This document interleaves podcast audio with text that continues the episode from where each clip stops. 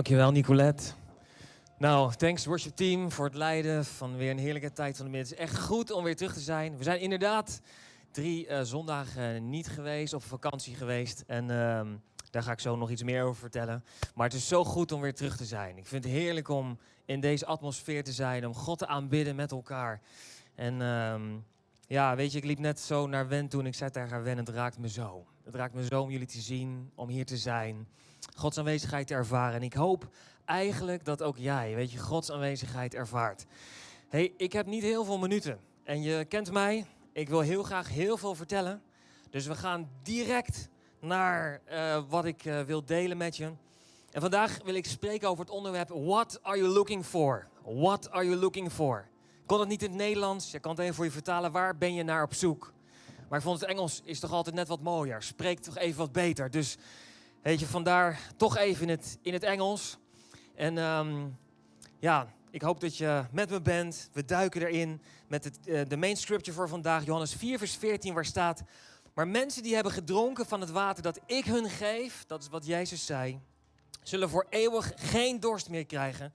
Want het water dat ik hun geef zal in hun bron worden waar water uit opborrelt, dat eeuwig leven geeft. Wat een mooie tekst. En daar komen we straks weer terug. Maar eerst, voordat we verder gaan, wil ik graag bidden. Heer, dank u voor wie u bent. Dank u voor uw aanwezigheid. En ook Heer voor deze dag. Ik vraag Heer, wilt u tot ons spreken. En ik bid Heer dat we op dit moment mogen ervaren dat u hier bent. Heer, wilt u door de rijen gaan? Wilt u door langs de tafels gaan? Heer, wilt u laten merken, Heer, dat u aanwezig bent. Heilige Geest, bouw ons opnieuw op. Geef ons nieuwe kracht, Heer. We hebben u zo, zo hard nodig. En voor iedereen die hier gekomen is of meeluistert, ook online. Heer, als we vragen hebben of in onze zoektocht naar u. Ik vraag, Heer, wilt u uzelf iets meer laten zien vandaag. Dat we iets meer mogen ontdekken van wie u werkelijk bent. In Jezus' naam. Amen. Amen.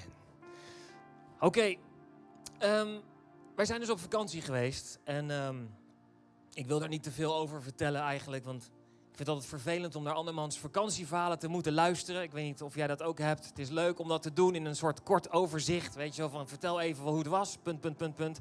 En dan gaan we door, weet je. Maar goed, ik kom er niet onderuit om toch iets te vertellen. En voor degenen die mij al wat langer kennen, die weten waarschijnlijk nog wel dat jaren geleden ik het een en ander gedeeld had over parkeerproblemen. In een parkeergarage en hoe ik daar toen mee om ben gegaan. Gelukkig staan die preken niet online, want die zijn niet uh, verantwoord om te luisteren. Dus dat is een grapje natuurlijk. Maar ook dit keer um, komt er, is er wat gebeurd. Gewoon in, de, in, in het gebied van parkeren en dingen. En nou goed, ik wil je daar kort in meenemen. En ik probeer helder tot zo snel mogelijk tot de conclusie te komen. Maar aangekomen bij ons, uh, we zijn naar Italië geweest met de auto. En aangekomen daar zo kregen we de sleutel van ons appartement. En daarbij ook een bijbehorende parkeerplaats. Nou, fantastisch mooi natuurlijk. Appartement D8 en parkeerplaats 11. Dus wij rijden richting ons, uh, ja, ons, de plek waar we moesten zijn. De poort ging open. En dan kon je links of rechts. Nou ja, ik had geen idee. Dus ik rijd gewoon maar naar rechts. En ik zie daar, Warempel, parkeerplaats 11, vrij. Dus ik parkeer mijn auto daar. We stappen uit, lopen naar het eh, gebouw er tegenover. En Warempel, gebouw D. Nou, dat moet dan wel ons gebouw zijn. Je raadt er welke kant het natuurlijk op gaat. Wij naar binnen, eerste etage. En proberen de sleutel. En je snapt het al, sleutel deed het niet. En in plaats van dat, we, dat ik dan dacht, zou het misschien het verkeerde appartement? Nee, dacht ik, ja hoor, hebben wij dat? Krijgen we de verkeerde sleutel? Dus nog een keer proberen, andere sleutel, werkt het niet. Ik dacht, weet je wat, ik bel toch eens even aan. Misschien dat ze een fout gemaakt hebben. Dus die man die deed de deur open, die daar eigenlijk in dat appartement verbleef. En die moest wel een beetje lachen. Die keek naar onze sleutel en zei, ah, La Ricci, zei hij. It's on the other side of the park. Oké. Dus wij stonden voor, echt gewoon voor de verkeer, het verkeerde appartement. Wij naar de andere kant toe. En um, ik was al gefrustreerd van hoe kunnen ze ons nou parkeerplaats 11 daar geven. En aan de andere kant van het terrein is ons appartement. Dus toch maar in de auto om onze koffers daar te kunnen uitladen. Maar nee, wat zien we daar? Tegenover de ingang van appartementencomplex D, weet je, was parkeerplaats 11. Dank u Heer, wat een zegen. Fantastisch. Dus wij parkeren onze auto, daar naar binnen, ons appartement. En een week later, en ik moet er even bij zeggen, Want is, heeft met de clue te maken. Er stond een heel groot parkeerbord achter, P, met een paar vakken. Ik had een foto van gemaakt, dacht ik, maar die was niet scherp genoeg. En er stond een grote P en er stond onder een aantal van die parkeervakjes getekend. En daaronder stond Frasinelle. Ik weet niet wie van jullie Italiaans spreekt, maar ja, ik niet in elk geval. Dus ik dacht, ja, omdat die vakken daar staan, betekent dat waarschijnlijk vast wel parkeren in de vakken. Of zo. Parkeren in de vakken. En ik denk, het was zo aan jullie te zien, dat jullie gelijk met me meegaan. Mij ook geloven wat ik nu zeg. Dus een week lang staan wij daar zo, onze auto buiten. Parkeren frasinel. Ik netjes alles zo in de parkeervakken. Netjes genoeg ruimte links en rechts voor iedereen. En na een week vind ik een briefje onder mijn ruitenwisser. Please do not park here. Please do not park here. Wat krijgen we nou? Zal toch niet weer zo'n probleem zijn? Dus ik, uh, nou ja, uitzoek, papiertjes eerst weg. Nog een keer een papiertje. Toen dacht ik, ik ga toch maar eens even naar de receptie. Want ze hebben vast weer een fout gemaakt. He, vast weer dat ik, nou ja. En toen raad je al waar dit naartoe ging. Die dame die keek op mijn papiertje waarop stond parkeerplaats 11. En toen zei ze, maar meneer, uw parkeerplaats is helemaal niet buiten voor de deur. U heeft een parkeerplaats in de parkeergarage onder uw appartement. Met andere woorden, al die tijd had ik dus een veel betere parkeerplaats. Want wie is het met me eens dat een auto binnen in de garage veel beter staat? Weet je, tegen de bloedhitte zon, met allemaal vliegen op het dek, op je motorkap die in kunnen branden en dat soort dingen. Dus het is veel beter om binnen te... Maar al een week lang had ik dat dus. En ik maar denken, parkeerplaats, Frasinelle. Maar nee, nu komt de clue. Frasinelle, dat betekent helemaal niet parkeren in de vakken. Maar dat betekent, was de naam van het appartementencomplex wat aan de andere kant lag van die parkeerplaats. Dus nou goed, toen ik dacht, wat betekent dat eigenlijk Fasinel? ik heb het even opgezocht. En ook ons eigen uh, uh, park waar wij verbleven, La, La Ricci, dat zijn namen van bomen. Dus ik weet niet of je nog Italiaans wil studeren, maar heb je het nu vast geleerd. Het zijn namen van bomen en Frasinel is voor de essen, de essenboom, weet je die. Nou goed, toen dit alles gebeurde dacht ik, heer, het kan niet anders zijn dat, dat u hier vast een verhaaltje doorheen wil spreken tegen mij. Het is vast dat u hier zo'n mooie boodschap doorheen wil geven. En toen ik er langer over nadacht, toen kon ik er drie dingen uithalen. Waarin het denk ik te vergelijken is met hoe wij soms Gods woord interpreteren. Hoe soms wij dingen horen van God, lezen in de Bijbel, horen van andere mensen en daarmee omgaan. En het eerste is dit, dat soms hebben we wel van God gehoord en denken we te begrijpen waar het over gaat, maar begrijpen we er eigenlijk geen bal van, of eigenlijk nog heel weinig van, en vullen we de betekenis vooral in zoals we het zelf denken dat het is. Dat is als het ware dat ik dus naar binnen reed, automatisch op het gevoel naar rechts, en van het moet hier wel zijn. Ik had gehoord D8, parkeerplaats 11. En ik ging niet verder op onderzoek uit, maar ik ging gewoon het eerste, het beste wat ik aannam, daar ging ik naartoe. En het tweede wat ik je uithaalde, soms kan het zijn dat we teksten wel gelezen hebben in de Bijbel. Dingen hebben gehoord, maar dat het niet compleet was. En dat we maar een deel van de context te pakken hebben. Of dat we maar een deel van het woord te pakken hebben. Met andere woorden, ik zag een parkeerplaats met daaronder frasinel, maar ik vertaalde het in mijn eigen uh, ja, vertaling. Waarvan ik dacht dat het zou zijn. En het derde wat ik eruit haalde is dit. Soms begrijpen we helemaal wat er staat. Soms hebben we iemand anders nodig om het ons even duidelijk te maken. En dan zul je zien dat je de volle zegen of de volle openbaring te pakken kunt krijgen. En in ons geval was het dus een mooie parkeerplek, even in het voorbeeld. Een mooie parkeerplek in de garage onder ons appartementencomplex. En weet je, het mooie is, is het nou allemaal fout? Is dan mijn eerste stap? Nee, het gaat erover dat dit een reis is die we allemaal maken. En waarvan ik geloof dat we langzaam ontdekken, steeds meer ontdekken van wat Gods woord werkelijk voor ons betekent. En steeds meer een diepere laag mogen ontdekken. Een klein voorbeeld daarvan. Bijvoorbeeld de tekst, die ken je wel. Zoek eerst het koninkrijk van God en al het andere zal je gegeven worden. Ken je deze tekst? Ik weet voor onze theologen onder ons, maar dit is maar de helft van de tekst die ik heb genoemd. Als je de tekst echt kent, en echt hebt gelezen, dan staat dit in de Bijbel. Geef het koninkrijk van God, want het gaat in, het, in de context over zorgen maken. En Jezus zegt, maak je geen zorgen. God is bij je. En dan zegt hij daar achteraan, maar geef liever het koninkrijk van God en het doen van Gods wil de eerste plaats in jullie leven, dan zal Hij jullie al deze dingen geven. Dus het ging over het zorgen maken. En God wil je dat geven. En hij zegt daartussen, maar plaats eerst het koninkrijk van God. In een oude vertaling staat, zoek eerst het koninkrijk van God en zijn gerechtigheid. Oké dan, dus daar staat iets meer dan alleen maar zoek God, weet je, en je zal alles krijgen wat je wil. Dat is de hele snelle vertaling. Kan het zijn dat als wij zo leven en dachten dat het zo werkte, dat we teleurgesteld kunnen raken? Maar dat Jezus ons misschien wel uitnodigt en uitdaagt en zegt van, hé, hey, lees nog eens een keer. Kijk nog eens een keer, want als het gaat over het koninkrijk van God zoeken, het koninkrijk zoeken, dan hebben we het over een systeem. Dan hebben we het over normen en waarden. Dan hebben we het over een grondwet.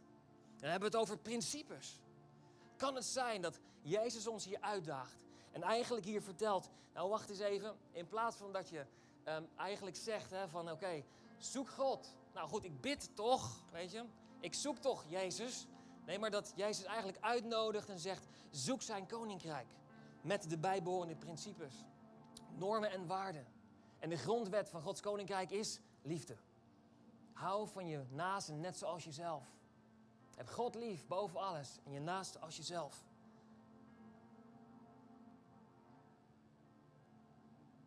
Principes zoals zaaien en oogsten. Principes zoals vergeven. Principes zoals God aanbidden. Hem op nummer 1 zetten. Daar zit zegen op. Daar zit zegen op.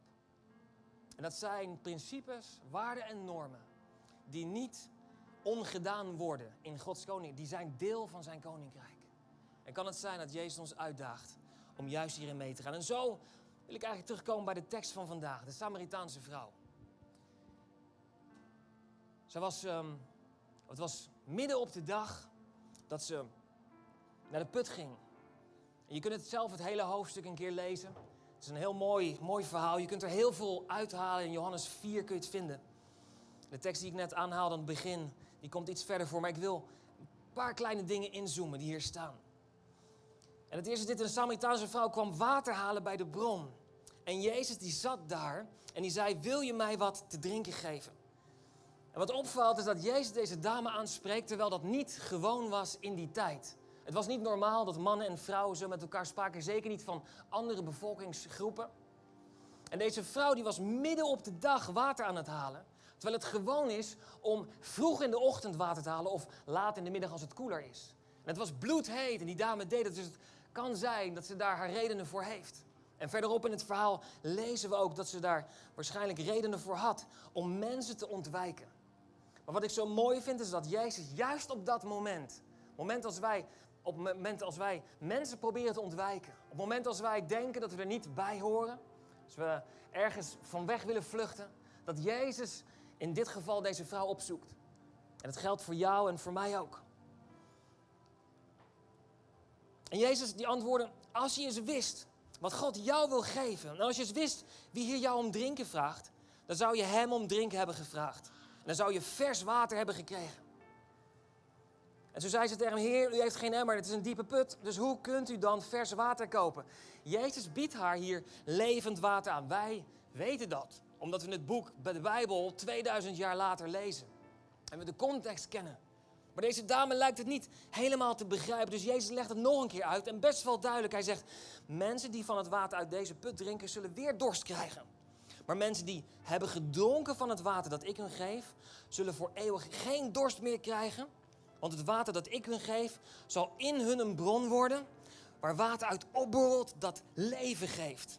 En de vrouw zei toen, Heer, geef me dan van het water, zodat ik nooit meer dorst heb. Dan hoef ik ook nooit meer water te gaan halen bij deze bron hier. En Jezus, die vertelt hier eigenlijk nog veel duidelijker hoe het zit. Hij biedt iets aan en wij weten nu dat dat is dat Jezus is die in je komt wonen. Dat de Heilige Geest die in je komt wonen. Waardoor er een bron van vrede, vreugde, liefde, waarheid, hoop ontstaat aan de binnenkant van jou. Wat opborrelt. Maar deze dame lijkt het nog steeds niet te begrijpen door haar antwoord.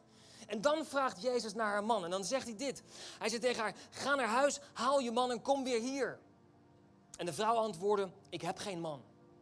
En Jezus zei tegen haar, het klopt dat je dat zegt, dat je geen man hebt, want je hebt vijf mannen gehad. En met de man met wie je nu beleeft, ben je niet getrouwd. Je hebt dus de waarheid gezegd. En toen zei de vrouw, Heer, ik zie dat u een profeet bent. Had het niet veel logischer geweest in onze ogen dat hier had gestaan? En direct daarop viel de vrouw op haar knieën. En ze bekeerde zich. En zei, oh Heer, ik heb zoveel fouten gemaakt. Ik, ben, ik bekeer me op dit moment. En toch is dat de vertaling die we heel vaak doen. Vaak als ik oh, dit er ook op nasla, dan lezen we dat de vrouw haar zonden werden openbaard. Waardoor ze tot een diep besef kwam. En dat ze zich bekeerde. Nou, weet je wat er staat? Er staat eigenlijk, de vrouw zegt, Heer, ik zie dat u een profeet bent. Dat is eigenlijk best een coole reactie. Zo van, oké, wat jij zegt is waar. Dat is waar. En dan gaat ze daar door. Dan heb ik een vraag. En eigenlijk probeert ze zo verder te gaan in gesprek met Jezus. Wat me opvalt, is dat zij dus niet direct zichzelf bekeert. Of direct op de knieën valt. Sterker nog, als je het verhaal leest, komt dat helemaal nergens in voor. Wat me opvalt, is dat Jezus ook niet met een vinger wees naar deze dame. En zei, jij, grote zondaar, jij moet je bekeren. Wat jij hebt gedaan, dat is niet goed. Nee, het lijkt erop dat Jezus in dit geval, wat hij aan het uitleggen was over het levend water dat van binnen is, dat hij dat praktisch aan het maken was. Hij zei, eigenlijk stelde hij de vraag, lieve vrouw, waar ben jij naar op zoek? What are you looking for? En toen ineens daagde het bij de vrouw. Toen dacht ze, hé, hey, heb gezocht naar liefde en acceptatie. Tot vijf keer toe is het mislukt. En opnieuw probeerde ik het bij een nieuwe man. Nieuwe hoop. Misschien is hij degene die en mij compleet maakt. Zoals we dat mooi uit de film halen. Uiteindelijk ging het weer niet goed. Mislukte het weer. Tot vijf keer toe. Het lijkt erop dat Jezus, wat van buiten te zien was, en wat wij misschien bestempelen als immoreel gedrag, dat hij die slag wilde maken naar binnen. Wat gebeurt er aan de binnenkant? En dat is waar Jezus echt om geeft. Kan het zijn dat deze dame op zoek was naar liefde en acceptatie? En het niet vond in externe dingen waar ze mee bezig was. Dat het zocht in partner, maar het niet vond. En dat Jezus hier zat en dat hij eigenlijk zei: Lieve vrouw, weet je eigenlijk wel waar je naar op zoek bent? Je bent op zoek naar mij. En Jezus wilde het haar op dat moment daar geven. Een nieuwe kans, een nieuwe, nieuwe hoop en een bron van binnen, waardoor ze voor eeuwig dat gevoel van binnen, die onrust die ze ervaarde, dat die opgevuld zou zijn. En ik geloof dat ik vandaag ook die vraag aan jou mag stellen. Waar ben jij naar op zoek? What are you looking for? Kan het zijn dat het onrustige gevoel van binnen, wat je misschien met je meedraagt, dat je uiteindelijk op zoek bent naar Jezus? Misschien is vandaag jouw moment om Jezus aan te nemen, of misschien op een dieper niveau aan te nemen. Zoals ik uitlegde over de verschillende stadia. Ik heb iets gehoord ervan, ik heb een deel begrepen, of daarna de volledige zegen. Kan het zijn dat je Jezus nog dieper moet aannemen? Misschien vlucht je van omstandigheden, zoals deze dame. Ze vluchten weg. Andere mensen niet te zien. Misschien vlucht je weg van relaties. Misschien van vrienden. Misschien van je werk. Van één baan naar baan. Ik zeg niet dat het verkeerd is om een nieuwe baan te nemen. Het is niet te erg om promotie te maken, dat bedoel ik niet. Maar als je er geen rust in kunt vinden. Misschien van kerk. Hopen van een naar de andere kerk. Waar ben je echt naar op zoek? Ik denk dat we uit dit verhaal mogen halen dat we Jezus zoeken. Want Hij is de bron van vrede, rust, vreugde en liefde. En het mooie is dat we Johannes 4, vers 25, en dan komt tot een afronding. Die vrouw, na in gesprek te zijn met Jezus, zegt: Ik weet dat op een dag de Messias komt. En Jezus zegt daar: Ik ben dat. Degene met wie je nu praat. In een andere vertaling zegt hij: Ik ben de Christus. En dan gebeurt er iets van binnen. Jezus sprak waarheid over haar, maar oordeelde haar niet. Hij ging een van extern, wat wij zien, ging hij naar binnen, waar Jezus echt om geeft. En zo geaccepteerd en geliefd. Liet de vrouw haar waterkruik staan en rende naar de stad en zei tegen iedereen: Kom mee, ik wil je niemand laten zien. En zien die mij precies wisten vertellen wat ik allemaal heb gedaan. Hij moet wel de Messias zijn. Vanuit deze openbaring zie je dat het automatisch gaat. Dat we andere mensen over Jezus vertellen. Wat heeft Jezus voor jou gedaan? En zo delen we dat aan anderen. En deze echte ontmoeting. Want uiteindelijk zien we hier dat heel veel Samaritanen tot Jezus gingen, uh, kwamen en in hem gingen geloven. Dat vinden we in vers 30. Of 39, sorry. Maar je kunt het zelf nog eens lezen. Neem de tijd daarvoor. Maar deze ontmoeting met Jezus, die er voor deze dame was, die is er ook voor jou. We gaan zo een heerlijk nummer zingen met het worship team. En ik wil je bemoedigen om je uit te strekken naar God en te zeggen: Heer, waar ben ik naar op zoek? En kan het zijn dat een onrustig gevoel van binnen uiteindelijk uitmondt dat je Jezus mag aannemen? En misschien heb je dat al eens eerder gedaan, maar misschien is vandaag jouw moment om dat op een dieper, dieper niveau te doen. Zullen we gaan staan? Gewoon op de plek waar je bent. Dan gaan we zo een heerlijk nummer zingen. Ik sluit graag af met gebed. Heer, dank u voor uw woord. Dank u, Jezus. Waarin het zo mooi staat, Heer, dat u ons niet oordeelt. Maar dat u van extern naar intern gaat. En dat u zorg heeft over hoe gaat het bij ons van binnen. Wat is er werkelijk aan de hand? Wat voor onrust dragen met ons mee? Waar zijn wij naar op zoek? En ik bid in Jezus' naam, Heer. Wilt u zichzelf aan ons laten zien? Als we elkaar, met elkaar zometeen nu aanbidden. In Jezus' naam.